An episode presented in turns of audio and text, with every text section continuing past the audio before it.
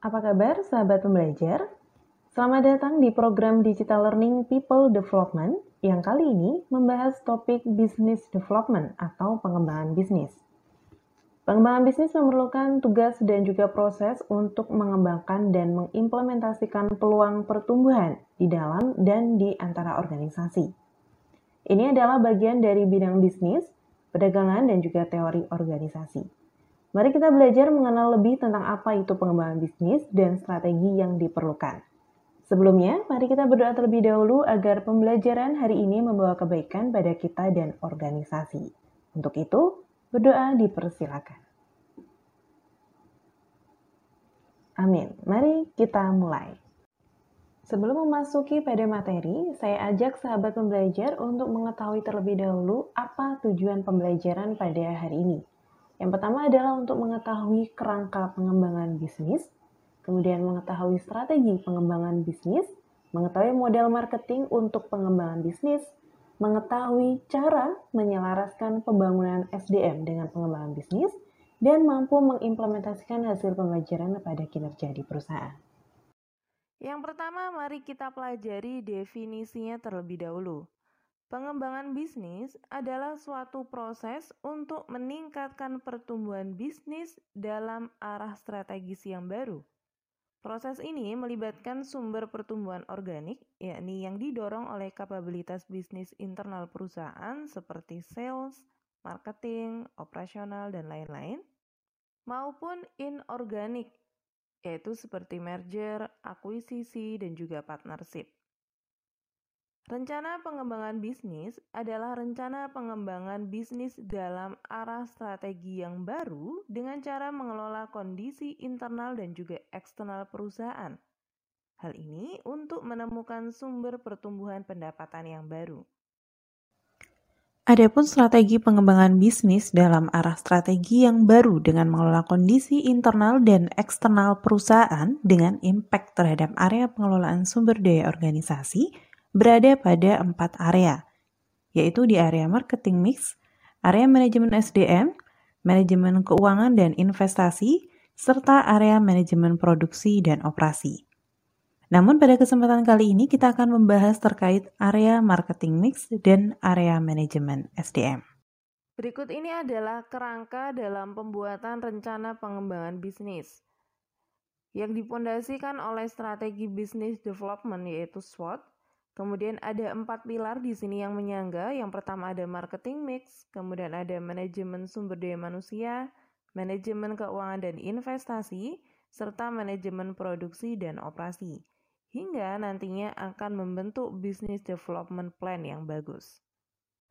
Selanjutnya sahabat pembelajar, kita akan mempelajari fondasi atau dasarnya terlebih dahulu, yakni strategi business development atau analisa SWOT. Analisa SWOT adalah analisa terhadap kondisi internal perusahaan, yakni berupa strength atau kekuatan dan weakness atau kelemahan. Dan juga kondisi dari eksternal perusahaan, yakni berupa opportunity, yaitu peluang, dan threat, ancaman. Analisa SWOT dapat dilakukan sesuai dengan kebutuhan untuk melakukan assessment dan memberikan respon terhadap perubahan lingkungan bisnis Sangat disarankan untuk melakukan analisa SWOT setidak-tidaknya dalam pembuatan rencana kerja tahunan perusahaan. Berikut ini adalah contoh pertanyaan dalam melakukan analisa SWOT. Pada saat membahas masing-masing area, bahaslah faktor yang paling relevan dengan masing-masing area. Urutkanlah item pada masing-masing area dari prioritas tertinggi kepada prioritas yang lebih rendah. Kita awali dari strength, faktor internal yang positif. Kekuatan adalah atribut positif, baik tangible maupun intangible, yang dimiliki oleh perusahaan. Contoh pertanyaannya seperti, apa kelebihan perusahaanmu? Sumber daya internal apa yang perusahaan miliki? Sumber daya bisa berupa atribut positif dari SDM seperti keahlian, pendidikan, jaringan, dan lain sebagainya. Kemudian ada aspek internal bisnis apa yang dapat memberikan nilai tambah atau keunggulan bersaing. Kita lanjut ke weakness, yaitu faktor internal lainnya yang bernilai negatif. Kelemahan adalah aspek dalam perusahaan yang dapat mengurangi value yang ditawarkan atau menempatkan perusahaan dalam ketidakunggulan bersaing. Contoh pertanyaannya seperti faktor apa yang menghalangi perusahaan untuk memiliki atau mempertahankan keunggulan bersaing? Area apa sajakah yang butuh perbaikan agar dapat mencapai target atau bersaing dengan kompetitor terdekat? Apakah lokasi usaha Anda berada di tempat yang tidak strategis? Dan masih banyak pertanyaan lainnya yang bisa Anda kembangkan. Kita lanjut kepada faktor yang eksternal yaitu ada opportunity dan juga trade. Opportunity yaitu peluang di mana peluang ini adalah faktor eksternal yang menarik dan menjadi penyebab bisnis perusahaan ada dan berkembang. Adapun contoh pertanyaannya seperti seperti apa persepsi industri bisnismu saat ini? Apakah baru-baru ini ada kenaikan pasar ataupun perubahan lainnya yang menimbulkan peluang? Seberapa pentingyakah peranan timing dalam bisnismu dan masih banyak yang lainnya. Selanjutnya adalah trade. Ancaman adalah faktor eksternal dan di luar kendali yang dapat menimbulkan resiko terhadap bisnis perusahaan. Adapun contoh pertanyaannya yakni seperti situasi apa yang dapat mengancam usaha pemasaran, Apakah ada perubahan harga dari supplier atau gangguan terhadap ketersediaan bahan baku? Apakah ada perubahan dalam perilaku konsumen, kondisi makroekonomi, peraturan pemerintah yang dapat menurunkan penjualan? Apakah ada produk atau teknologi baru yang muncul di pasar di mana hal tersebut dapat mengakibatkan produk perusahaan ketinggalan zaman? Dan masih banyak yang lainnya. Selanjutnya, silahkan Anda membuat contoh pertanyaan untuk analisa SWOT yang ada dalam perusahaan Anda. Setelah SWOT diidentifikasi dan dibuat skala prioritasnya, maka dilakukan analisa bagaimana masing-masing komponen saling tumpang tindih satu dengan yang lainnya. Kemudian membuat strategi pengembangan bisnis dari SWOT. Ada strategi SO yaitu strength dan juga opportunity, Lihatlah strength yang telah diidentifikasi dan temukan cara untuk menggunakan strength tersebut untuk memaksimalkan opportunity. Kemudian ada strategi WO yaitu weak dan juga opportunity. Lihatlah weakness yang dimiliki, kemudian temukan cara bagaimana untuk memperkecil dampak weakness dengan memaksimalkan opportunity yang ada. Kemudian ada strategi ST yaitu strength dan juga trade eksploitasi strength untuk memperkecil dampak dari trade. Kemudian ada strategi WT yaitu weakness dan juga trade. Meminimalkan weakness untuk memperkecil dampak trade. Lanjutkan dengan menemukan cara bagaimana menggunakan strength untuk meminimalkan trade yaitu strategi strength trade Kemudian temukan cara untuk meminimalkan weakness untuk menghindari trait yang telah diidentifikasi, yaitu strategi weakness trait. Berikut ini adalah contoh analisa SWOT, ada penggambarannya yaitu yang atas ada strength dan juga weakness, ini faktor internal. Kemudian yang sebelah kanan Anda ada opportunity dan juga trait, ini merupakan faktor eksternal. Kemudian yang ada di dalam lingkaran merah adalah SO yaitu strength dan juga opportunity. Anda bisa simak dalam slide Anda. Kemudian ada strategi WO yakni weakness dan juga opportunity. Kemudian ada strategi ST yaitu strength dan trait. Kemudian ada strategi WT weakness dan juga trait. Contoh analisa SWOT ini terjadi di Astra Honda Motor. Kita bahas sekilas. Yang pertama untuk strength-nya, citra dan brand yang kuat. Kemudian, produk berkualitas tinggi, showroom, service station, dan juga spare part terdistribusi hampir di seluruh kota di Indonesia. Tawaran produk yang lebih beragam dan banyak pilihan, sumber daya manusia yang kompeten pada bidangnya. Kemudian untuk opportunity, pertumbuhan ekonomi yang cukup tinggi, tren masyarakat memiliki motor, kemudian peluang ekspor ke negara lain, tingginya kepercayaan masyarakat terhadap sepeda motor Honda, dan jumlah penduduk yang besar. Kemudian kita masuk ke strategi SO yaitu strength dan juga opportunity, optimalisasi kapasitas produksi, melakukan edukasi masyarakat melalui safety riding misalnya ke sekolah, kemudian lebih menggiatkan ekspor ke negara lain. Strategi pengembangan bisnis untuk meningkatkan pertumbuhan bisnis melalui pertumbuhan revenue membutuhkan strategi marketing. Definisi marketing yang dipelajari oleh banyak pelaku bisnis adalah strategi untuk menempatkan produk yang tepat di tempat yang tepat dengan harga yang tepat dan di waktu yang tepat. Strategi marketing ini diawali dengan melakukan pendekatan segmenting targeting positioning dengan tujuan untuk memilih segmen yang paling menguntungkan untuk perusahaan, kemudian mengembangkan marketing mix yang selaras dengan strategi pengembangan bisnis perusahaan. Diawali dari market segmentation, kemudian targeting yaitu select the target market, product positioning, kemudian decide on the optimal marketing mix. Kita awali dengan pendekatan segmenting, targeting, dan positioning. Segmenting, targeting, positioning adalah pendekatan komunikasi yang fokus pada customer, sehingga dapat menyampaikan lebih banyak pesan yang relevan kepada konsumen yang dituju. Kita awali dari segmenting yakni mengklasifikasikan pasar ke dalam kelompok-kelompok dengan berbagai kategori, sehingga kondisi tersebut memungkinkan kebutuhan produk yang berbeda atau kombinasi pemasaran yang terpisah. Segmentasi dapat dilakukan dengan memperhatikan aspek demografis, yakni usia, kelamin, pendidikan, kemudian aspek psikografis, ada kelas sosial, dan juga gaya hidup, maupun behavior, yakni loyalitas merek dan pola konsumsi. Yang kedua adalah targeting, yakni tindakan menilai ketertarikan dan minat dari beragam segmen pasar, kemudian menentukan segmen pasar mana yang akan Anda jadikan sebagai target pasar. Untuk mengevaluasi potensi komersial dari masing-masing segmen, dipertimbangkan hal sebagai berikut.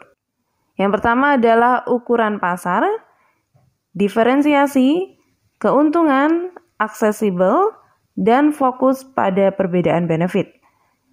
Ukuran pasar yakni pasar harus cukup besar untuk menjustifikasi segmentasi. Sedangkan diferensiasi harus ada perbedaan yang terukur antara masing-masing segmen. Dalam keuntungan, keuntungan yang diharapkan harus melebihi biaya tambahan yang timbul untuk aksesibel, yakni masing-masing segmen harus dapat diakses dan dapat menerima pesan marketing. Yang terakhir untuk fokus pada perbedaan benefit adalah segmen yang berbeda membutuhkan benefit yang berbeda pula. Kemudian yang ketiga adalah positioning, yakni upaya untuk menempatkan posisi produk dalam menghadapi persaingan sehingga produk bisa dibedakan dari kompetitor lainnya. Berikut ini adalah contoh tabel pemetaan produk mobil. Dengan mengetahui di mana peta produk kita, maka kita juga akan tahu ke arah manakah marketing akan bergerak dan dengan cara apa dan siapakah target kita. Sedangkan untuk marketing mix itu sendiri merupakan seperangkat alat yang digunakan perusahaan untuk mencapai tujuan pemasaran dalam memenuhi target pasarnya. Selain itu, sebagai alat yang digunakan perusahaan untuk meyakinkan objek pemasaran atau target pasar yang dituju. Target market atau pasar itu sendiri mencakup produk, price, place, dan promotion. Mari kita rinci satu persatu dalam slide berikutnya. Yang pertama adalah produk. Dalam konsep marketing, Produk adalah segala sesuatu yang dapat ditawarkan ke pasar yang mungkin dapat memuaskan keinginan atau kebutuhan. Kemudian menurut Alderso, produk adalah kumpulan dari manfaat yang terdiri dari bermacam fitur, produk, dan layanan. Aspek dalam pengelolaan produk adalah ada level produk, siklus hidup produk, kemasan, label, jaminan dan garansi, serta merek atau brand. Mari kita lihat bagian berikut. Kita ambil contoh dari produk Coca-Cola di mana dalam produk ini ada beberapa benefit yang bisa dijual dan ditawarkan kepada target pasar. Misalnya, untuk menghilangkan haus. Hal ini adalah inti dari benefit produk. Benefit atau keuntungan ataupun kelebihan lain dari produk ini adalah dia minuman yang menyegarkan dan lain sebagainya. Dengan melakukan leveling terhadap produk kita, maka nilai produk kita pun juga akan semakin tinggi. Ini adalah contoh dari siklus hidup sebuah produk. Siklus suatu produk dengan tahapan-tahapan proses perjalanan hidupnya mulai dari peluncuran awal atau soft launching. Kemudian perubahan dari target awal, lalu mulai berkompetisi dengan produk-produk yang sejenis hingga melewati persaingan dan juga kompetisi produk memiliki tingkat penerimaan atau penjualan yang luas dan tersebar.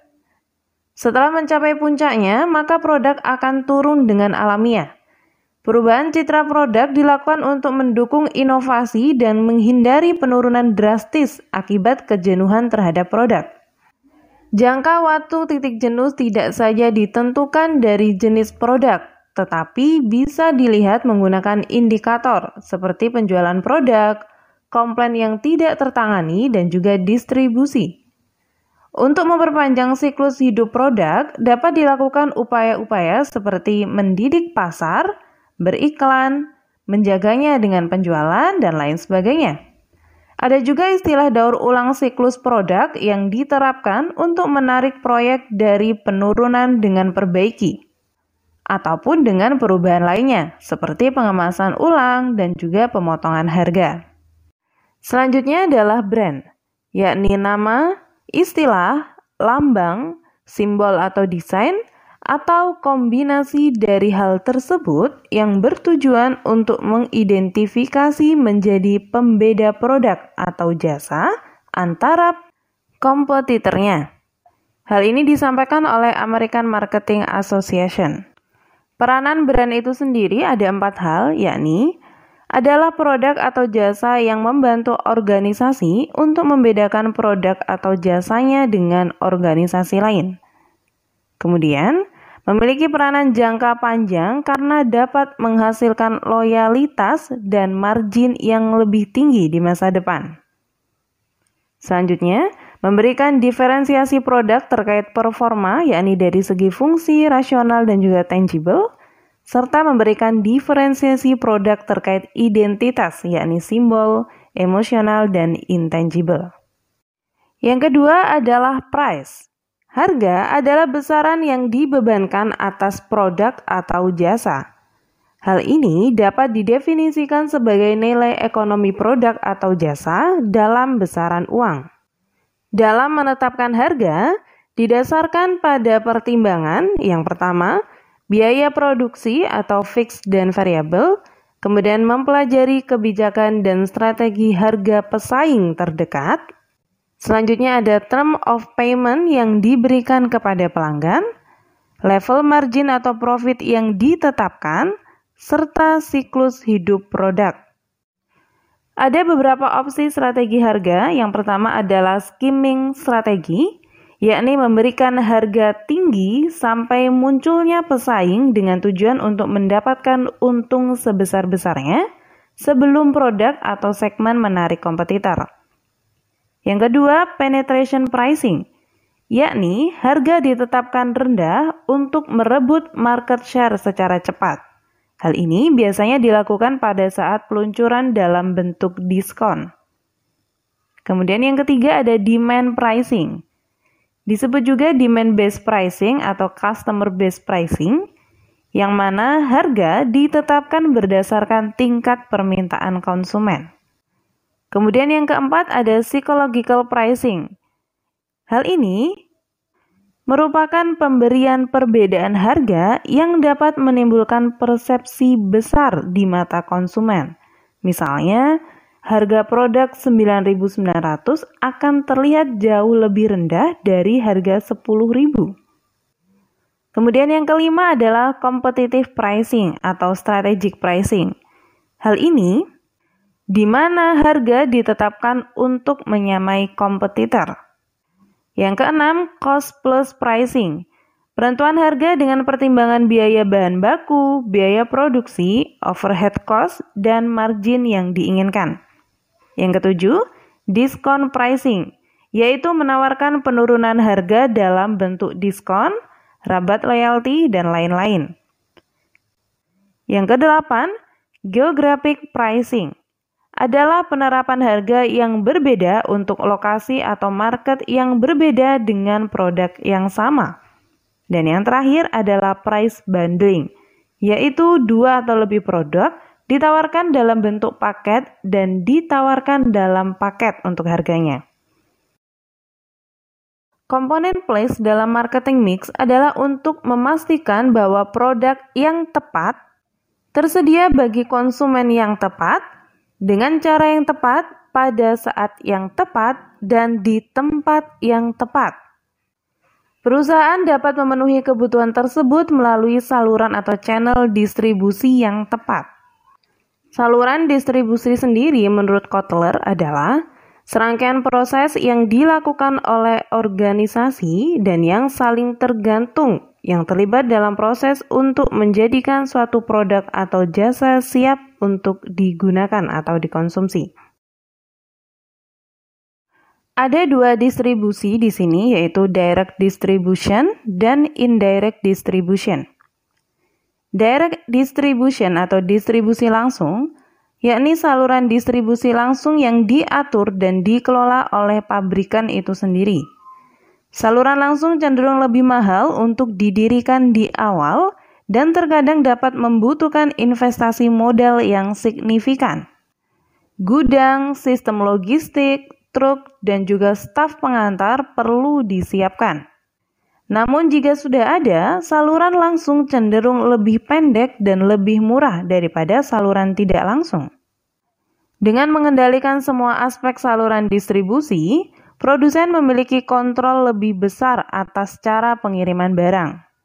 Mereka memiliki kontrol lebih besar untuk memotong inefisiensi, menambah layanan baru, dan menetapkan harga.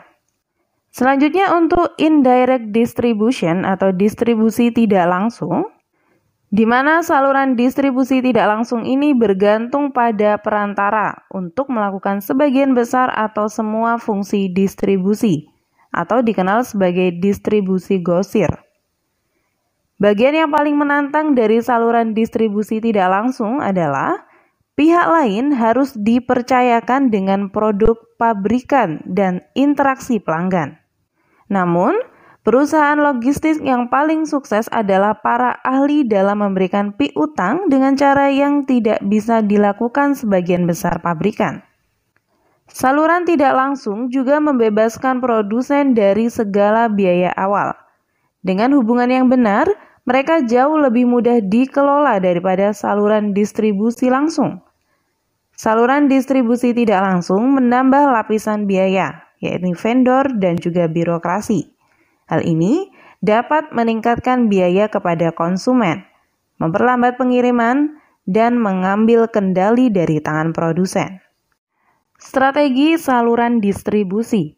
Saluran distribusi atau distribution channel hal ini adalah suatu hal yang penting karena dapat membujuk dan mempengaruhi calon pembeli agar memilih produk tertentu sebagai bentuk promosi. Kemudian, saluran distribusi juga berfungsi sebagai saluran penjualan dan saluran marketing. Kemudian dapat mengurangi biaya dan juga waktu yang dibutuhkan untuk mencapai konsumen.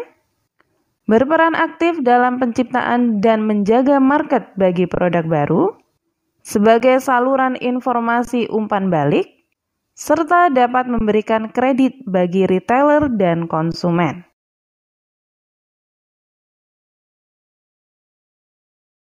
Keputusan dalam pengelolaan channel hal ini melibatkan beberapa hal. Yang pertama, menjadikan strategi STP produk yaitu segmentasi, targeting, dan positioning sebagai fondasi.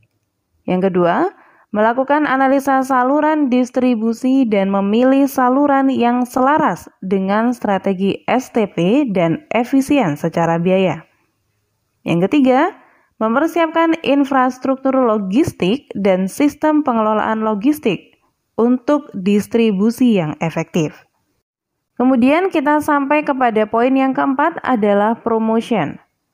Produk atau jasa yang tepat dengan harga yang tepat dan di tempat yang tepat tidak akan dipilih jika konsumen tidak aware mengenai harga, fitur, ketersediaan, dan lain sebagainya. Promotion adalah proses menyampaikan informasi, meyakinkan dan mempengaruhi konsumen untuk memilih produk yang akan dibeli. Promotion itu sendiri bertujuan untuk meningkatkan volume penjualan dan dilakukan secara kontinu. Promosi yakni sebagai alat untuk membentuk relasi jangka panjang dengan pihak yang terlibat dan menonjolkan citra, reputasi, dan niat baik perusahaan. Promosi dapat dilakukan dengan cara penjualan langsung, iklan, publikasi, dan juga promosi penjualan untuk memberikan informasi kepada konsumen mengenai ketersediaan, karakter, dan fungsi produk atau jasa. Manfaat dari promosi itu sendiri dapat meningkatkan ketertarikan konsumen terhadap produk, membandingkan dengan produk pesaing, dan membuat pilihan yang diharapkan. Sahabat pembelajar, sekarang kita akan memasuki pada pilar yang kedua, yakni tentang strategi manajemen SDM. Menyelaraskan strategi pengelolaan human capital dengan strategi pengembangan bisnis. Strategi SDM menetapkan arah bagi seluruh area kunci pada pengelolaan human capital, termasuk di dalamnya rekrutmen, pengembangan, penilaian prestasi kerja, dan juga pengupahan. Strategi sumber daya manusia adalah rencana pengelolaan human capital agar selaras dan juga mendukung dari strategi pengembangan bisnis. Secara garis besar, strategi human capital untuk mendukung strategi pengembangan bisnis adalah dengan strategi pengelolaan talent. Menurut Sarah K. Yasinki dari University of Scranton, faktanya ada 50% dari karyawan baru mengundurkan diri dalam 2 tahun. Sedangkan 25% dari karyawan baru mengundurkan diri dalam 6 bulan. Mengapa hal ini terjadi? Maka perlulah ada pengelolaan talent. Pengelolaan talent adalah strategi yang harus dilakukan agar human capital yang dibutuhkan untuk mendukung pencapaian strategi pengembangan bisnis tersedia. Perusahaan harus memperhatikan kebutuhan karyawan dan juga menerapkan strategi retensi agar karyawan dapat bertahan, yakni dengan membuat karyawan merasa dihargai dan juga engaged Strategi ini dapat memiliki dampak yang signifikan terhadap tingkat pengunduran diri. Fakta selanjutnya menurut Lake Branham, 88% karyawan mengundurkan diri bukan karena masalah upah. 70% manajer berpikir bahwa pengunduran diri karyawan karena masalah upah. Berikut ini adalah tujuh penyebab pengunduran diri. Yang pertama, Karyawan merasa pekerjaan atau suasana kantor tidak sesuai dengan yang diharapkan. Yang kedua, ketidaksesuaian antara pekerjaan dan karyawan. Yang ketiga, feedback dan juga coaching tidak memadai. Yang keempat, peluang pengembangan karir terbatas. Yang kelima, karyawan merasa tidak dihargai dan tidak dianggap. Yang keenam, stres karena beban kerja dan ketidakseimbangan antara kehidupan dan pekerjaan atau work-life balance. Dan yang ketujuh, tidak ada kepercayaan yang diberikan oleh atasan. Dalam mengelola talent dapat dilakukan beberapa hal berikut. Yang pertama adalah pelatihan. Menurut Wingfield, pelatihan meningkatkan rasa percaya diri karyawan. Sedangkan menurut Paul, dengan pelatihan, perusahaan dapat membantu karyawan untuk mencapai target dan juga memastikan karyawan memiliki pemahaman tentang kebutuhan pekerjaan mereka. Yang kedua, dengan melakukan mentoring. Program mentoring yang terintegrasi dengan sistem feedback yang berorientasi hasil adalah mekanisme untuk membentuk hubungan di dalam organisasi dan merupakan fondasi untuk mempertahankan karyawan dan pertumbuhannya. Hal ini disampaikan oleh Wingfield juga. Kemudian nomor tiga adalah budaya positif. Menurut Ioma, membina budaya positif seperti kejujuran, saling menghargai, peduli kualitas, dan juga kerjasama dapat bermanfaat untuk menarik dan mempertahankan talent. Yang keempat, gunakanlah komunikasi untuk membina kepercayaan. Perusahaan harus membuat jalur komunikasi yang memungkinkan pendapat dan juga saran karyawan dapat disampaikan ke manajemen, serta memastikan karyawan mengetahui bahwa manajemen mendengarkan dan juga memberikan respon terhadap input yang mereka berikan. Dan yang kelima, tunjukkan apresiasi melalui kompensasi dan juga benefit, di mana memberikan penawaran gaji yang kompetitif, insentif, bonus, pensiun, jaminan kesehatan, perhitungan lembur dan juga penggantian biaya pendidikan memberikan pesan positif kepada talent bahwa mereka adalah orang yang dianggap penting dalam organisasi. Hal ini disampaikan oleh Benefits tahun 2008. Dalam mengelola talent dapat dilakukan beberapa hal berikut. Yang pertama adalah pelatihan. Menurut Wingfield, pelatihan meningkatkan rasa percaya diri karyawan. Sedangkan menurut Paul, dengan pelatihan, perusahaan dapat membantu karyawan untuk mencapai target dan juga memastikan karyawan memiliki pemahaman tentang kebutuhan pekerjaan mereka. Yang kedua, dengan melakukan mentoring. Program mentoring yang terintegrasi dengan sistem feedback yang berorientasi hasil adalah mekanisme untuk membentuk hubungan di dalam organisasi dan merupakan fondasi untuk mempertahankan karyawan dan pertumbuhannya. Hal ini disampaikan oleh Wingfield juga. Kemudian nomor tiga adalah budaya positif.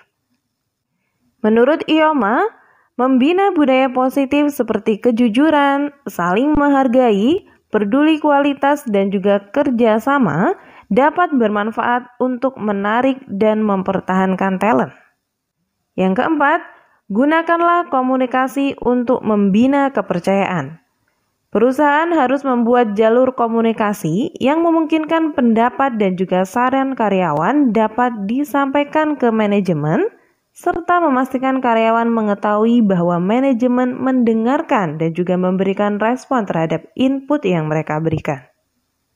Dan yang kelima, tunjukkan apresiasi melalui kompensasi dan juga benefit, di mana memberikan penawaran gaji yang kompetitif, insentif, bonus, pensiun, jaminan kesehatan, perhitungan lembur dan juga penggantian biaya pendidikan – memberikan pesan positif kepada talent bahwa mereka adalah orang yang dianggap penting dalam organisasi. Hal ini disampaikan oleh Benefits tahun 2008. Selanjutnya, yang keenam menurut Branham, yakni mendorong program referral dan juga internal recruitment. Referral dapat meminimalkan ketidakjelasan tentang pekerjaan, Karyawan dapat menjelaskan posisi, tugas, dan juga lingkungan kerja kepada individual yang direferensikannya, sehingga dapat memperkecil kemungkinan pengunduran diri. Kemudian melakukan coaching atau umpan balik. Coaching dan umpan balik penting karena digunakan untuk memastikan effort yang dilakukan karyawan selaras dengan tujuan perusahaan dan memenuhi ekspektasi perusahaan. Kemudian memberikan peluang berkembang. Perusahaan harus memberikan seluruh alat bantu yang dibutuhkan oleh karyawan seperti workshop, pelatihan, dan lain sebagainya untuk meningkatkan pemahaman mengenai apa yang mereka inginkan dari karir dan meningkatkan effort dalam pembuatan tujuan karir. Kemudian, buatlah karyawan merasa dihargai, yakni dengan memberikan hadiah serta mendengarkan dan meminta masukan. Karyawan diberi hadiah untuk memotivasi mereka. Hadiah bisa berupa uang tunai, hal ini dilakukan untuk penghargaan on the spot. Akan lebih memotivasi jika diberikan sesegera mungkin setelah pencapaian prestasi. Hal ini merupakan salah satu cara bagi perusahaan untuk mengucapkan terima kasih untuk effort yang dilakukan karyawan, sehingga membuat karyawan merasa dihargai. Selanjutnya, turunkan stres yang diakibatkan oleh beban pekerjaan dan ciptakan work atau life balance. Hal ini dapat dilakukan dengan pengaturan jam kerja yang fleksibel agar dapat menyesuaikan dengan kebutuhan karyawan. Ketika work-life balance telah terstruktur dengan baik, baik manajemen maupun karyawan akan lebih maju. Perusahaan akan mendapatkan produktivitas kerja yang lebih tinggi karena karyawannya tidak stres dan lebih sehat. Selanjutnya, yang terakhir, ciptakanlah rasa saling mempercayai yakni dapat melalui pembentukan hubungan yang kuat antara karyawan dan juga perusahaan. Karyawan harus percaya bahwa manajemen perusahaan kompeten dan juga akan membawa perusahaan ke tujuan. Sebaliknya, manajemen harus dapat menginspirasi munculnya kepercayaan ini terhadap karyawan dan juga memperkuat kepercayaan ini. Sahabat pembelajar, itulah bahasan kita tentang business development atau pengembangan bisnis. Semoga dapat menambah wawasan sahabat pembelajar sekalian. Salam pengembangan.